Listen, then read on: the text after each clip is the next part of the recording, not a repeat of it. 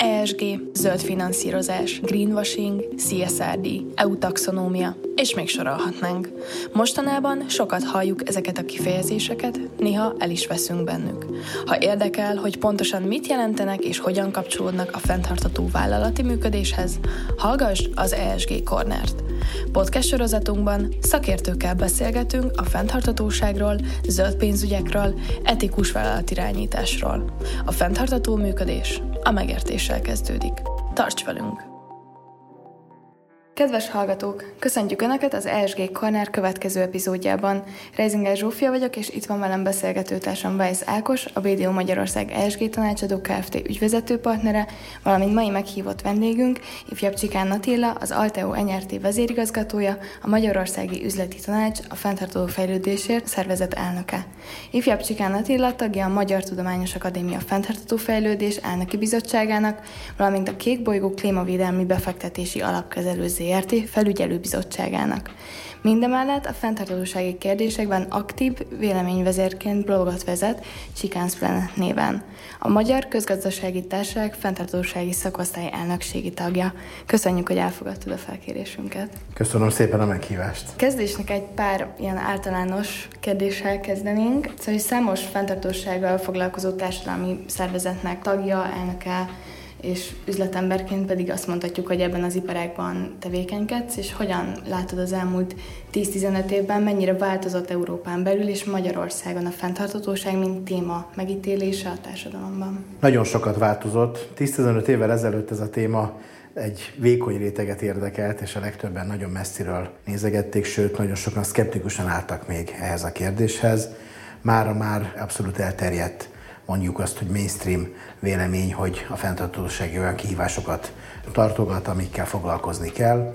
És a másik nagyon nagy változás, hogy olyan üzleti lehetőségeket teremtett, ami viszont versenyelőnyt jelentett a vállalatoknak. Talán a legnagyobb változás, hogy a kötelezettség az ezzel való foglalatosság iránt az megmaradt, de ezt már szükségből erényt kovácsolva is megtehetjük, tehát a vállalatunknak ténylegesen üzleti előnyt, versenyelőnyt tudunk teremteni azzal, hogyha ilyen szemszögből is vezetjük a vállalatot. Az is nagyon fontos, hogy a szabályozók is azért ebbe az irányba fordultak, tehát egyre több az olyan előírás, törvényi előírás, szabályozás, ami megköveteli a fenntartósági elveknek az alkalmazását, vagy éppen olyan pályázat, olyan lehetőség, támogatás, ami ezeknek a kiépítéséhez segít hozzá. És hát a vállalatok is megkövetelik egymástól egyre inkább, gondoljunk csak a német beszállítói törvényre, ami ugye lényegében annyit jelent, hogy aki német vállalatnak akar szállítani, annak bizonyos minimál kritériumoknak meg kell felelni fenntartósági szinten is. Ja, a 2008-as válság előtt volt egy nagyon nagy felívelése a fenntartatósági témának, aztán a válság azt gondolom, hogy ezt egy picit akkor lesöpörte, és aztán utána kicsit más irányba indultak el a folyamatok, 2015 Párizsi klíma csúcs, ENSZ céloknak a fenntartatósági fejlődési célok megfogalmazása, a CSR kibővült mindenféle egyéb fenntarthatósági típusú befektetésekről beszéltünk. Aztán valamikor a 2010-es évek elején bejött az ESG is, és most egy újabb válság gos időszakban vagyunk, mondjuk így. Te hogy látod ennek az ívét vállalati szemszögből, hogy tekintenek erre a témára, visszafordulhat-e ez a téma ugyanúgy, mint most egy válságban, vagy pedig már elértük azt a kritikus tömeget, ahogy említetted szabályozási oldalról, üzleti oldalról, hogy ez egy megkerülhetetlen folyamattá válik a következő időszakban. A fenntarthatóság üzleti tanácsban, amit ugye BCDH-nak szoktunk az angol neve alapján rövidíteni, készítünk egy tagsági érettségi felmérést, ami pontosan arról szól, hogy a tagvállalataink milyen státuszban tartják saját magukat, hogyan látják saját magukat a fenntartatóság terén. Persze valamilyen szinten ez nem reprezentatív, hiszen aki BCDH tag lesz, az már elkötelezett azért a fenntartatóság iránt, tehát így egy kicsit jobb képet mutat talán, mint amilyet országos átlagban vehetünk, de azt is látni kell, hogy azért ezek a vállalatok elég komolyan véleményvezérek, elég komoly befolyással bírnak nagyon sokszor a saját iparágunkban, tehát mégiscsak nagyon-nagyon fontos, hogy mit mondanak. Kettős az eredmény, azt kell, hogy mondjam, mert egyik oldalról a stratégiai megközelítés terén, a rendszerek felépítésének a terén, annak a felismerésében, hogy ez a fenntarthatósági eszmerendszer és az ezáltal lévő kihívások alap kell, hogy legyenek a vállalatoknak a számára, már elég előre haladtunk, és én nem gondolom, hogy ez visszabonható. Én azt gondolom, hogy nagyon sok vállalatvezető személyesen is elkötelezett, és nagyon sok vállalati stratégia most már elkötelezett ebbe az irányba.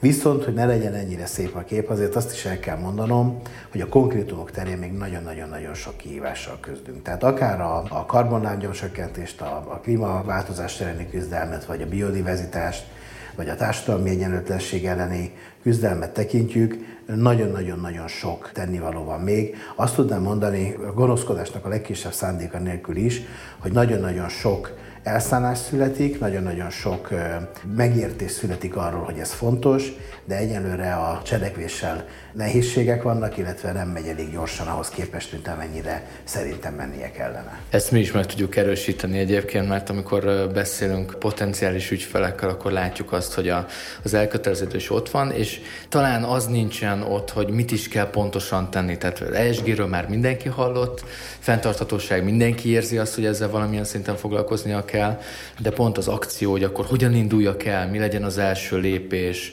milyen célrendszert fogalmazzak meg magamnak, mit jelent ez üzleti szempontból, egyéb működési szempontból.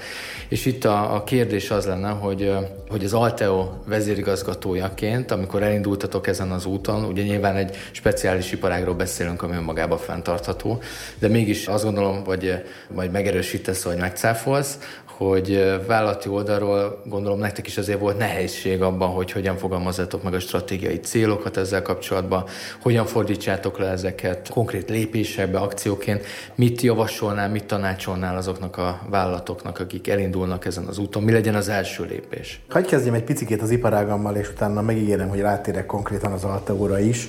Ugye már maga az iparág is azért küzd kihívásokkal, és ha csak a megújuló energiát nézem, mert természetesen, hogyha elkezdenénk beszélni a szélről és az olajról, vagy meg egy egyéb dolgokról, akkor még messzebb lehetne menni, de koncentráljuk most csak a megújuló energiára.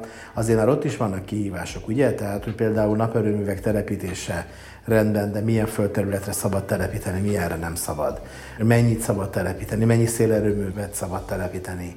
Mit kezdünk azzal, hogy ezek időjárás függőek, hogyan egyenlítjük ki Ugye, és akkor már rögtön rátérek az Alteóra, ugye nekünk amellett, hogy jelentős megújuló befektetéseink vannak, Amellett egy nagyon fontos tevékenységünk az, hogy a megújuló által a rendszerbe okozott kihívást, ugye, hogy az időjárás függés miatt nem egyenletes a termelés, vagy nem alkalmazkodik a termelés a kereslethez, ezt úgymond kiegyenlítsük. Na most ezt a kiegyenlítést ma a realitás talaján elsősorban földgázzal lehet megcsinálni.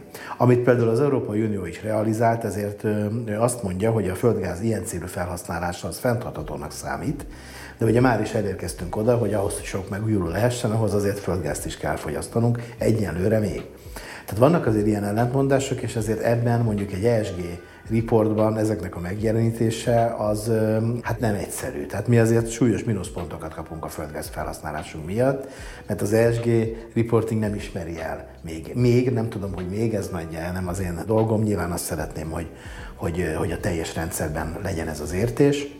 Tehát még az E amire mondhatnánk ugye, hogy a mi core bizniszünk, még ott is azért vannak kihívások. Hiszen javulni szeretnénk, nem csak minősítettük magunkat, hanem folyamatosan javulni szeretnénk.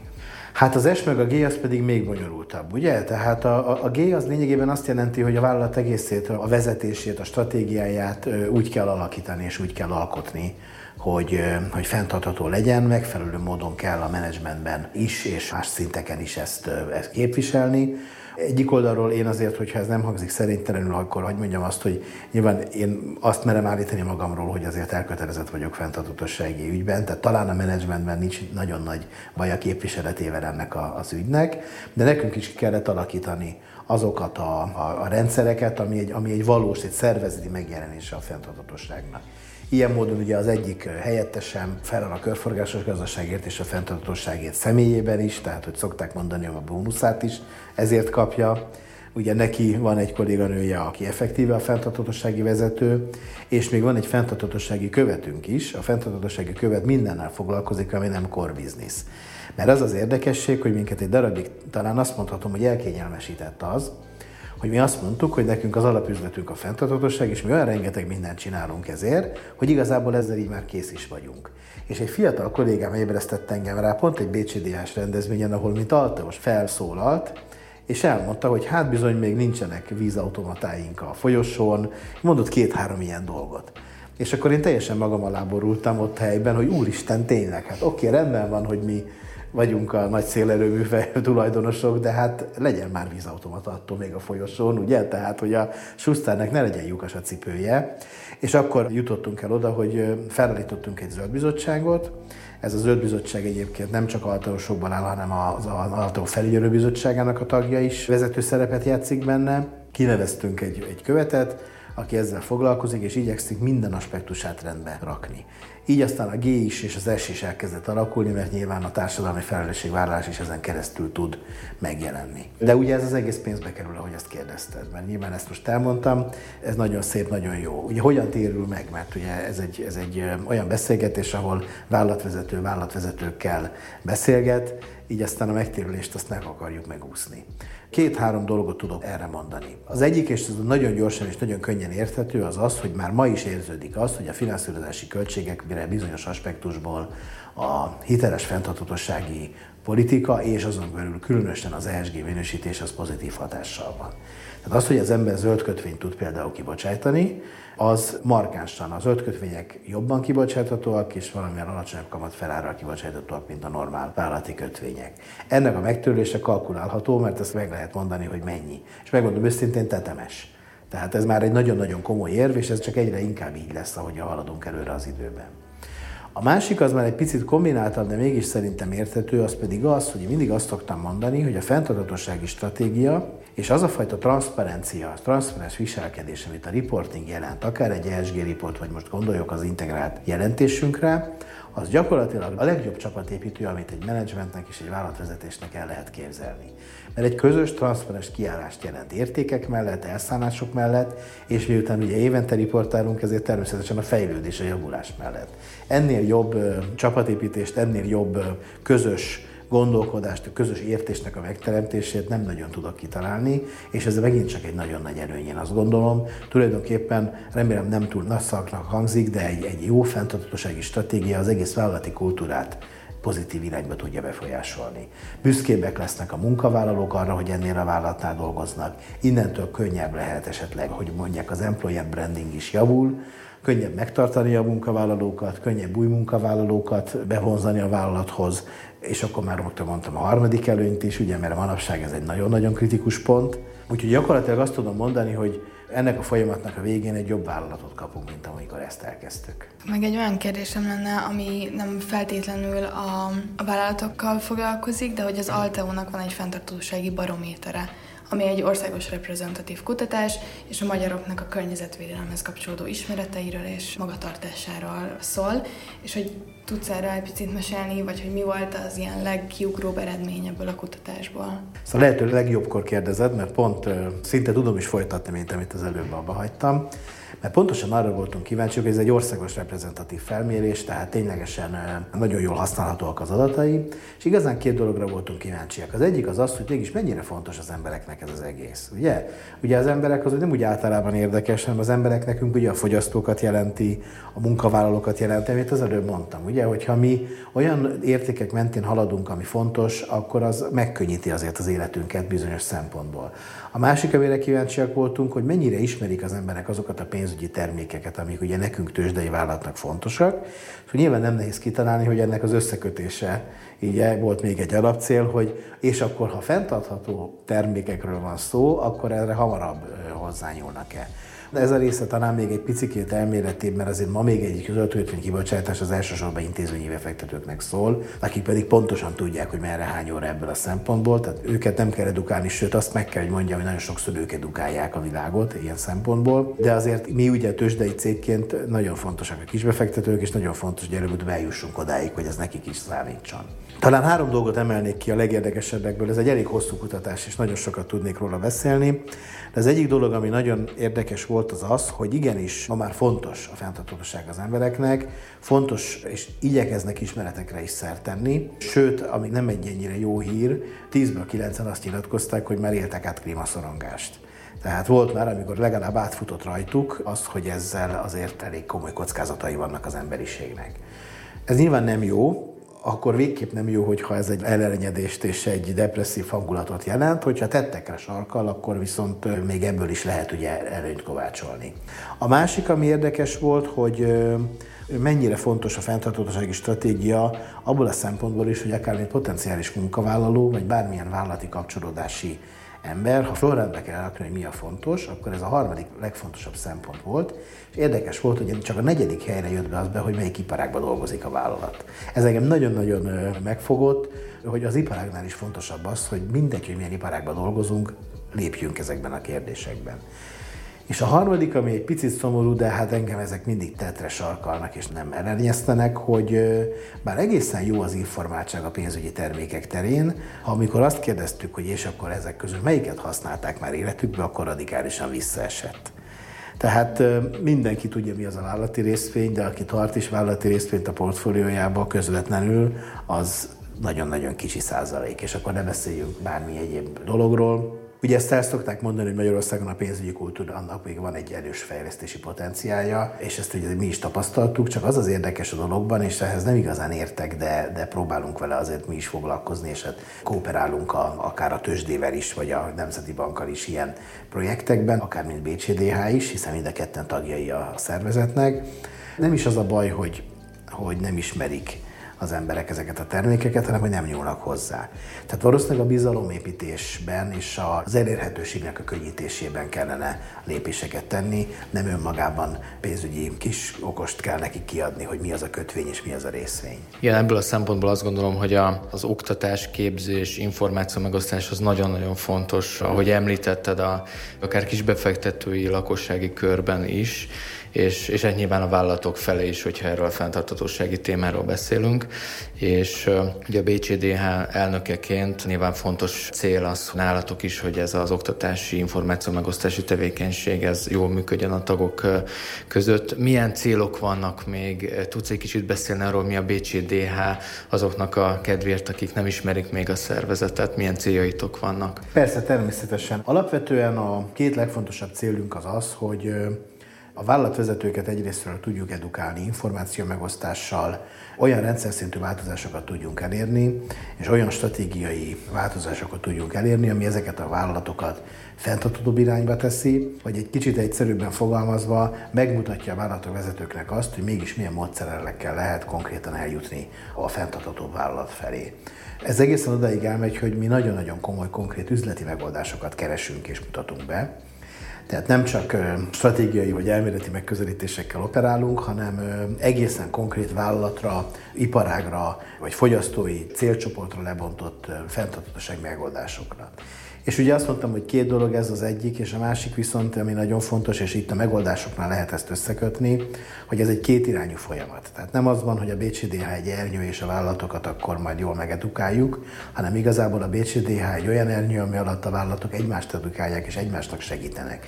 Hiszen mindenkinek vannak már eredményei, mindenkinek van tudása, ezeket, hogyha mi integrálni tudjuk, be tudjuk mutatni, olyan fórumokat teremtünk, olyan lehetőségeket teremtünk, akár tényleges fórumokon, workshopokon, akár munkacsoportokon keresztül, ahol ezeket egymásnak meg tudnak mutatkozni, és olyan hálózatok alakulnak ki, akik egy-egy konkrét problémában, akár mondjuk egy karbonlábnyom csökkentésben, vagy egy jelentéstételi kihívásokban, vagy egy foglalkoztatási kihívásokban, vagy hát hagyd soroljam az összes potenciális területet, egy hálózatként működnek, és egymást tudják segíteni, akkor igazából nekünk ezt eh, leginkább már csak mentorálni, mediálni kell tudni. Tehát olyan elkötelezett vállalatvezetői közösség, gyakorlatilag a BCDH, akik már felismerték azt, hogy ez egy közös munka, hogy az ESZ 17-es fenntartható fejlődési célja, SDG-je az a partnerség, és én ezt nem győzöm eleget hangsúlyozni, nagyon-nagyon sokszor tapasztaljuk ma már az üzleti életben, hogy egyre kevesebb az úgynevezett zéró összegű játszma, amikor az ember úgy nyer, hogy ahhoz valakinek veszítenie kelljen, és egyre többször akkor tudunk jól működni, hogyha win-win megoldásokat keresünk, amikor mindenki nyeres, egy hosszú távú kooperáció, hosszú távú partnerség alakul ki.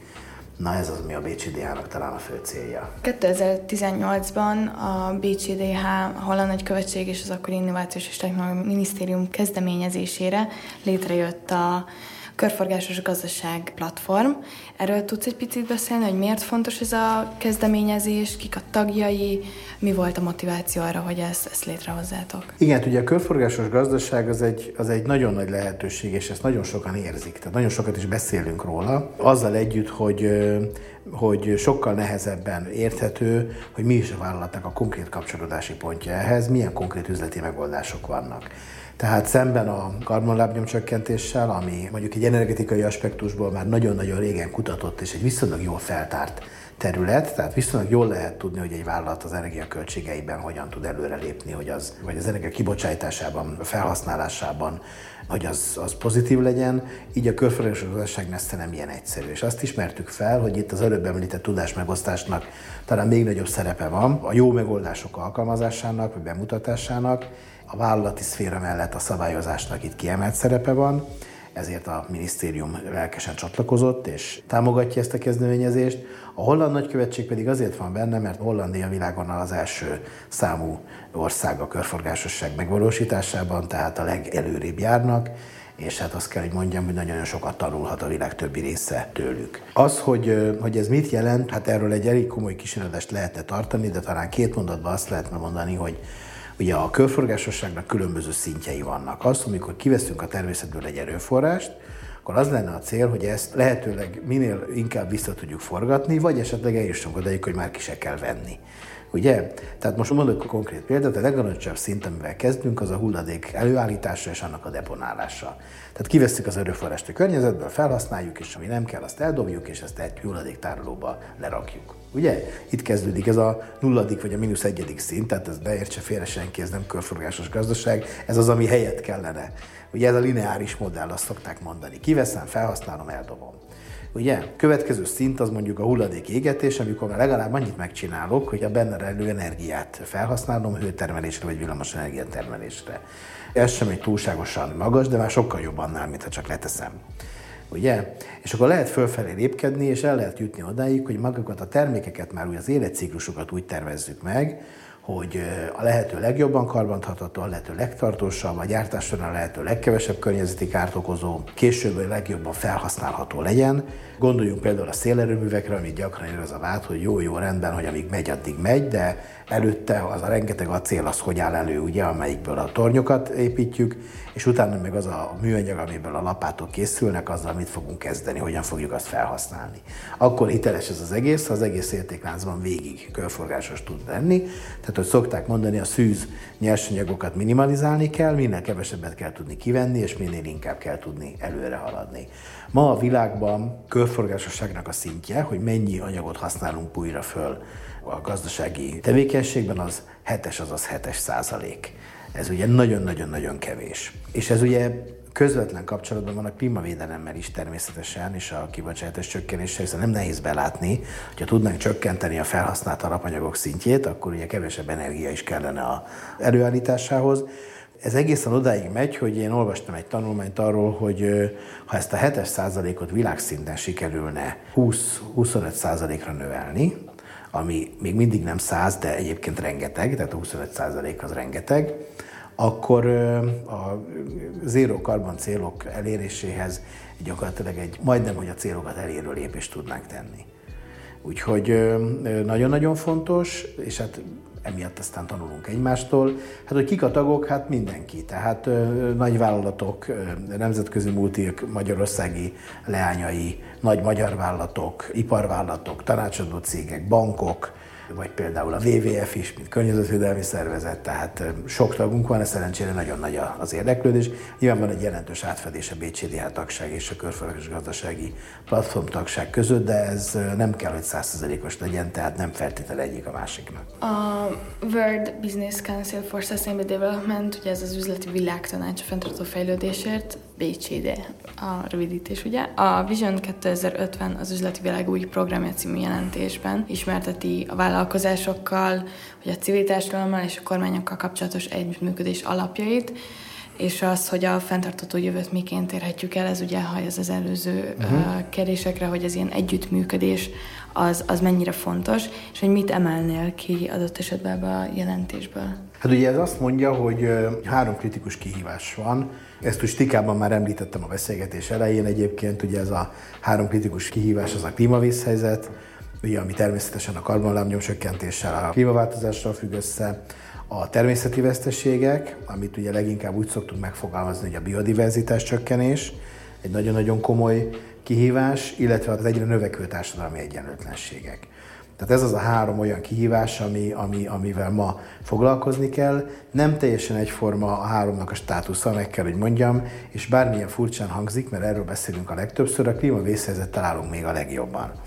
Tehát bár az is eléggé fenyegető, és ugye el kell, hogy mondjuk azt, hogy rengeteg kihívás van, és messze nincs még minden megoldva. Sajnos azt kell, hogy mondjam, hogy még ahhoz képest, hogy a biodiverzitással mekkora problémák vannak, és mennyire az elején tartunk, ahhoz képest ez már nem is, nem, nem is annyira rossz. Miközben egyébként az is látszik, hogy 2050-ig, ha nem változtatunk, akkor a fejből idézem a számot, nem biztos, hogy pontos, de azt talán az 54%-a hal ki ma meglévő állatfajaknak. Miközben a mai élő állatfajok már egy kicsit öredéke annak, mint ami valaha élt. Már nem úgy értem, hogy a természetesen kihaltakat is oda számolom, hanem amiket az elmúlt száz évben sikerült kipusztítani. És ez nagyon nagy probléma. Mindenki ismeri a méhecskéket, meg az ezzel kapcsolatos sztorit, nagyon nagyon fontos és nagyon igaz, de hát ezen kívül még ezer más dolog van, ahol ezzel találkozhatunk.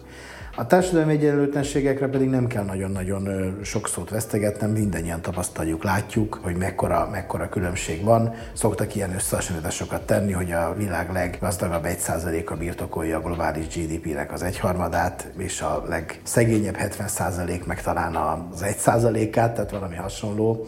Ugye ez megint olyan dolog, ami, ami, ami, amivel foglalkozni kell. Ugye a VBCD-nek és természetesen a BCDH-nak is ugye az egy alapvető célja, hogy 2050-ben az akkori becslések szerint 9 milliárd ember egy elfogadható komfortszinten egy megfelelő életminőséggel tudjon úgy élni, hogy közben egyébként ezek a fenntartósági kihívások teljesülnek. Na ez a kettő együtt, ez én azt gondolom, hogy szép feladat. Ebből a három célból, amit említettél, az első az a klímavédelem és a széndiokszid kibocsátás csökkentése, net zero cél elérése 2050-re. Itt BD oldalról készítettünk egy kutatást a magyar gazdaságra, és azt találtuk, hogy nyolc olyan ágazat van, ami a teljes magyar széndiokszid kibocsátás több mint 90%-áért felel. Három ágazat van, ami a 75%-át adja, tehát egy uh-huh, nagyon koncentrált uh-huh. kihívásról, problémáról beszélünk. Nem olyan régen jelent meg az Európai Központi Banknak egy elemzése, ahol azt vizsgálták, hogy az eurozóna nagybankjainak a hitelportfóliója mennyire kitett a klímaváltozási kockázatnak, és azt találták, hogy nagyjából a portfólió 75%-a az, ami direkt vagy indirekt módon kitett ennek a kockázatnak. Ugye mégis egy egy olyan folyamatról beszélünk azért, ami hosszú távú. Ugye egy, egy bank is, vagy hogyha egy, egy tanácsadó cég készít egy ilyen klímakockázati előrejelzés, mindig szenáriókat vázolunk fel. Ugye az IPCC is szenáriókkal dolgozik a klímaváltozás kapcsán, és azért itt évtizedekre előre vetített trendekről, folyamatokról beszélünk. Miközben a vállalati oldalról meg sokszor nagyon rövid távú kihívások vannak, akár egy Covid helyzet, egy energiaválság helyzet, egy gazdasági gazdasági lassulási helyzet. Nagyon sok rövid távú kihívással kell szembesülni ami szerintem néha fókuszvesztést is okozhat. Hogyan látod, hogy hogy lehet áthidalni ezt, a, ezt az időtáv kérdést, a rövid táv versus hosszú táv, hiszen azért itt mindenkinek sokat kell tenni, sok beruházást eszközölni, és azért ez meg kell győzni a tulajdonosokat is, a menedzsmentet is sok esetben. Igen, az egyik dolog az az, hogy, hogy lassacskán a hosszú távú hatások is rövid távúvá válnak. Tehát úgy tűnik, hogy a környezet elkezd bennünket meggyőzni arról, hogy ezzel foglalkozni kell. Tegnap egy kerekasztal beszélgetésen hangzott az el, hogy a volume területe az országnak, nem kicsi területe, ahol tavaly az év első nyolc hónapjában pontosan olyan annyi eső esett, mint a Kalahári sivatagban. Most minden további következtetést szerintem mindenki le tud vonni magának, hogy ez egy hosszú távú folyamat a klímaváltozás, én értem, de aki tavaly mezőgazdasági termeléssel próbálkozott ebben az országban, az, és nem állítom, hogy ezen túl minden év ilyen lesz, azt sem állítom, hogy tudom, hogy hány év lesz ilyen a következő 30-ból, De hogy az elmúlt száz évben nem volt még soha ilyen, tavaly viszont igen, ezt is tudom, mert erre ugye megint csak vannak adatok. Tehát sajnos azt kell, hogy mondjam, hogy ma már egy stratégia egy szemléletmódot jelent. Egyébként nem élünk olyan világban, hogy eleve valaki 8-10 évre tervezzen számokkal ellátva. Három évre szoktak a vállalatok legtöbbször tervezni. Arra azt mondom, az nem stratégia, ez egy üzleti terv, az így teljesen rendben van, és az végre kell hajtani, és abban meg kell találni a rövid távú kihívásokra a választ, mert ott van cash flow, meg van profit cél, meg ezer más dolog, de közben ugye ennek azért én azt remélem minden vállalatnál szoros összefüggése van a hosszú távú stratégiával, már csak azért is, mert például amikor egy banknak beadok egy hitelkérelmet, ami egy energetikai vállalatnál nem ritkán 10-15 évről szól, akkor azért csak kíváncsiak lesznek rá, hogy a 11-től 15. évig mi fog történni. Ők se tudják, én se tudom, de meg kell próbálnunk közösen kitalálni. Ez a történetnek a lényege, és valahogy úgy tudom én ezt a választ rövidebben megfogalmazni, mint egy összefoglalni, hogy a stratégiában muszáj vagyunk hosszú távú dolgokkal foglalkozni. Az a stratégia, ami arra foglalkozik, hogy hogy érem túl a következő egy évet, az nem stratégia. Én értem azt is, hogy akár lehet olyan vészhelyzet egy vállalat életében, amikor egyáltalán elhagyja a stratégiát, és semmivel nem foglalkozik. Tehát aki kiesett a repülőből, az gyorsan nézeget, hogy van-e rajta egy törnyő, vagy nincs. Mert ez egy annyira fontos kérdés, hogy minden más ehhez képest ráért. Tehát ez, ez világos, ezt én értem. De ha volt, mert ugye ha nem volt, akkor, akkor ez egy másik problémakör. Ha volt, akkor is meghúzta és kinyílt, akkor rögtön elkezdhet azon gondolkozni, hogyha földre ért, akkor merre fog indulni balra vagy jobbra. Hol vannak a partizánok, hol van az ellenség, ugye? Tehát, hogy a túlélés záloga nem csak azt, hogy meghúzzuk a zsinort, hanem az is, hogy legyen elképzelésünk, hogyha földet értünk, akkor merre indulunk. Abszolút, én is így látom, és ebben azért egy kicsit az elmúlt években a szabályozás is elkezdte idézőjelbe biztatni azt gondolom a piaci szereplőket, hogy ezekkel a témákkal foglalkozzanak egyre inkább. Ugye az EU Green Deal, minden egyéb szabályozás, említetted a német beszállítói lánc törvényt is. Eh, hogy látod ennek a dinamikáját eh, nagyvállalat vezetőjeként is azért rátok is többféle EU-s szabályozás fog nem sokára vonatkozni? Igen, egyértelműen elindult a szabályozás, az EU-s is, és egyébként a magyar is azt lehet mondani, hogy radikális ez a helyzet, miközben persze nyilván, amit az előbb kérdeztél, ez még mindig igaz, hogy még mindig válság van, magasok a kamatok, és minden egyéb problémánk van. Én azt tudom mondani, hogy én ezt kénytelen vagyok lehetőségnek tekinteni. Tehát ugye egyrészt ott a régi római mondás, hogyha nem tudod megakadályozni, akkor állj az élére. Ugye ez az egyik. A másik, hogy én nem is akarom megakadályozni ráadásul. Én azt gondolom, hogy a szabályozás elképesztően sokat tud segíteni. Tehát az államnak az elsődleges feladata nem az, hogy támogatásokat osszon, ez is nagyon-nagyon fontos, és kellhet bizonyos területekre, de az elsődleges feladata az, hogy megbízható jövőképet tudjon adni a szabályozás által, hogy tudjuk azt, hogy amit az előbb mondtam, hogy ha földet értünk, merre indulunk, azt tényleg ebben hinni tudjuk, hogy ez így fog tudni működni. Én mindig azt próbálom megnézni, hogy az, az a szabályozás, ami jön, az hogyan tud az Alteónak versenyelőnyt kovácsolni, hogyan tudok én ebben jó lenni. És azt is meg kell, hogy mondjam, hogy ugye mi, akik fenntartható energetikai megoldásokkal foglalkozunk, az, hogy az iparvállalatok elindulnak ebbe az irányba, és egyre minden iparág lassacskán ugye szembesül azzal, hogy ezzel foglalkoznia kell, ez nekünk egy piacot jelent, ez nekünk lehetőséget, növekedést jelent. De nem szeretném, ha ennek az lenne az olvasata, hogy akkor most a vállalatok szegényeknek ebben el kell indulni, mert a gonosz szabályozó erre kényszeríti, és az attól meg hogy örül ennek. Mert ez azért nem így van teljesen, ugyanis a vállalatok, akik ebben élen járnak, hogy azt már megbeszéltük, versenyelőre fognak szert. Tehát azok a vállalatok, akik a tízes évek végén léptek radikálisabban megújulóba, és szemmel látható naperőműves saját energiatermelésük van, azok például elég konkrét kézzelfogható megtakarításra tettek szert az energiaválság alatt, amikor ugye a beszerzési árai a villamos energiának egyik pillanatról a másikba az egekbe emelkedtek. Az a vállalat, akinek több éves energiastratégiája volt, és sokkal tudatosabb beszerzéssel működött, megint tudott versenyre szert tenni, legalábbis tudatosabban működött, ahogy ilyen manapság mondjuk, a rezilienciája sokkal jobb ebből a szempontból. Tehát ezek a dolgok, ezek nem arról szólnak, hogy megvédjük magunkat a szabályozástól, ezek arról szólnak, hogy a szabályozás támogatja az egyébként is pozitív folyamatot, és ebben előre kell tudni lépni. Ez beruházást jelent, ez így van, sokszor, nem mindig egyébként és nem mindenben, erről megint lehetne külön beszélgetni, hogy néha kultúraváltás is elég, bár néha egy kultúraváltást nehezebb elérni, mint egy beruházást megfinanszírozni. De ez egy másik téma, ami most itt nagyon fontos az az, hogy beruházást jelent, de a beruházásnak megtérülése van.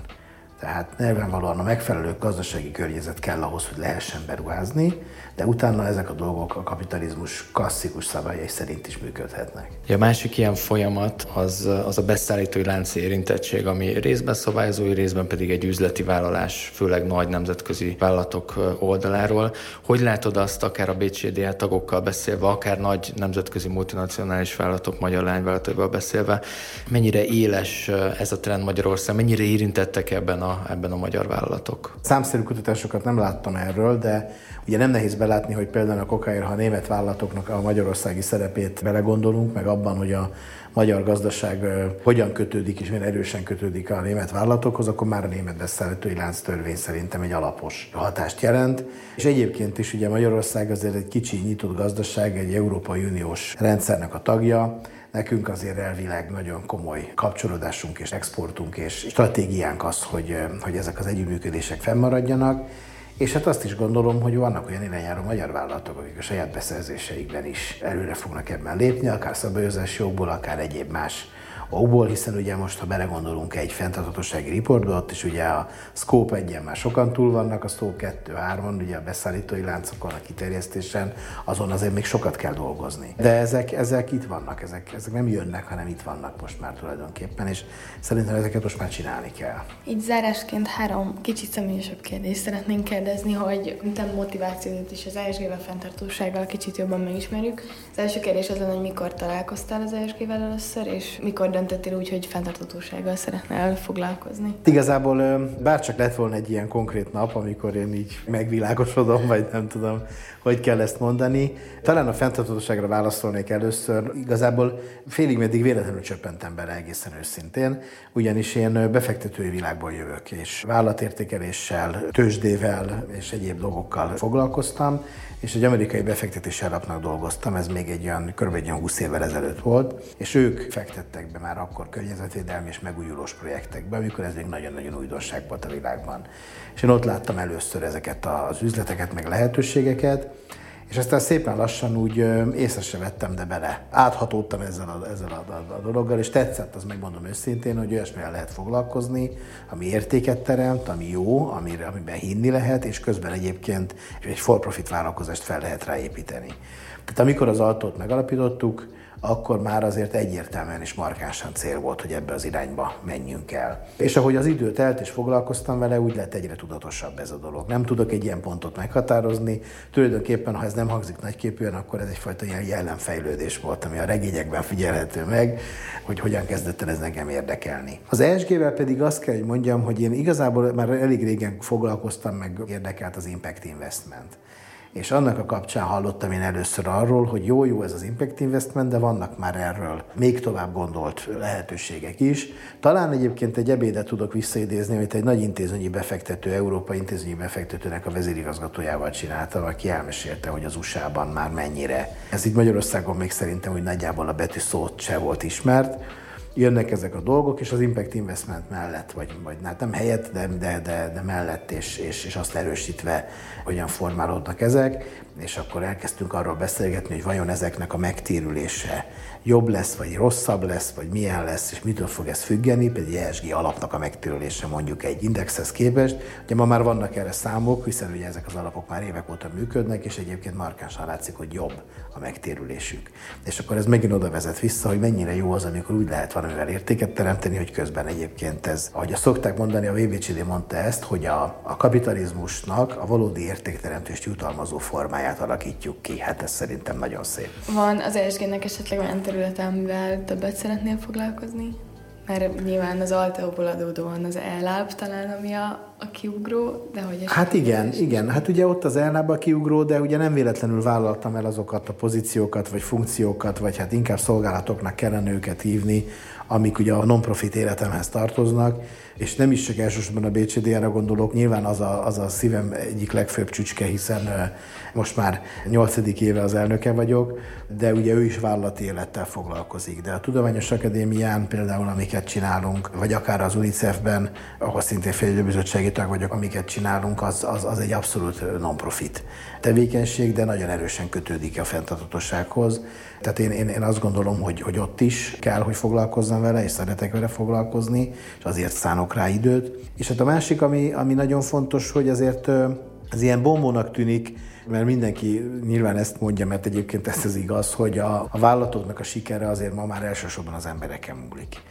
Én nekem ez azért nem bombó, mert én ezt nagyon a saját bőrömön tapasztalom, mert azt kell, hogy mondjam, hogy ez a vállalat a megalapításától kezdve egy nagyon nagy utat járt be az elmúlt 15 évben, éppen most vagyunk 15 évesek, és volt olyan, amikor az üzleti lehetőségek voltak a szűk keresztmetszet, volt olyan, amikor a tőke volt a szűk keresztmetszet, a finanszírozás. Most azt tudom mondani, hogy sikeres, gyorsan növekvő vállalatként az a kulcs, hogy megfelelő embereink legyenek. Tehát a social részbe befektetett, a governance részbe befektetett tőke, elszánás, figyelem, fókusz, és meg sok mindent mondhatnék a nap végén ugyanaz, erőforrás, ugye?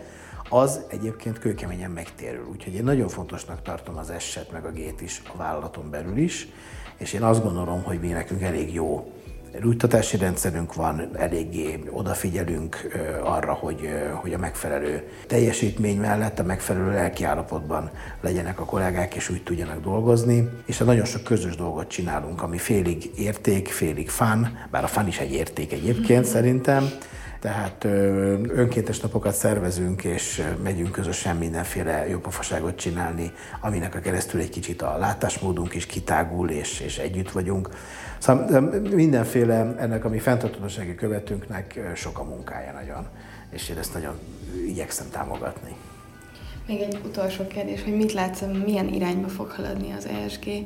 Vannak-e esetleg ötleteid, hogy hogyan lehet ezt még több emberrel megismertetni? Hát igazából azt kell, hogy mondjam, hogy szerintem nem is az ESG-t kell megismertetni az emberekkel, hanem az eredményét, hogy, hogy, hogy, hogy mi történik, hogy merre fordul a világ. Mert az ESG szerintem az egy benfentes dolog, az az intézményi befektetők, a bankok, vállalatvezetőknek a saját ügye. Én azért remélem, hogy azért ott már kezd ismert lenni, bár nyilván ugye ilyenkor mindig felvetődik, hogy és mi van a KKV-kkal, ugye ahol nyilván egy teljesen más eszközrendszerrel kell, hogy boldogoljanak egy adott esetben más információs szinten.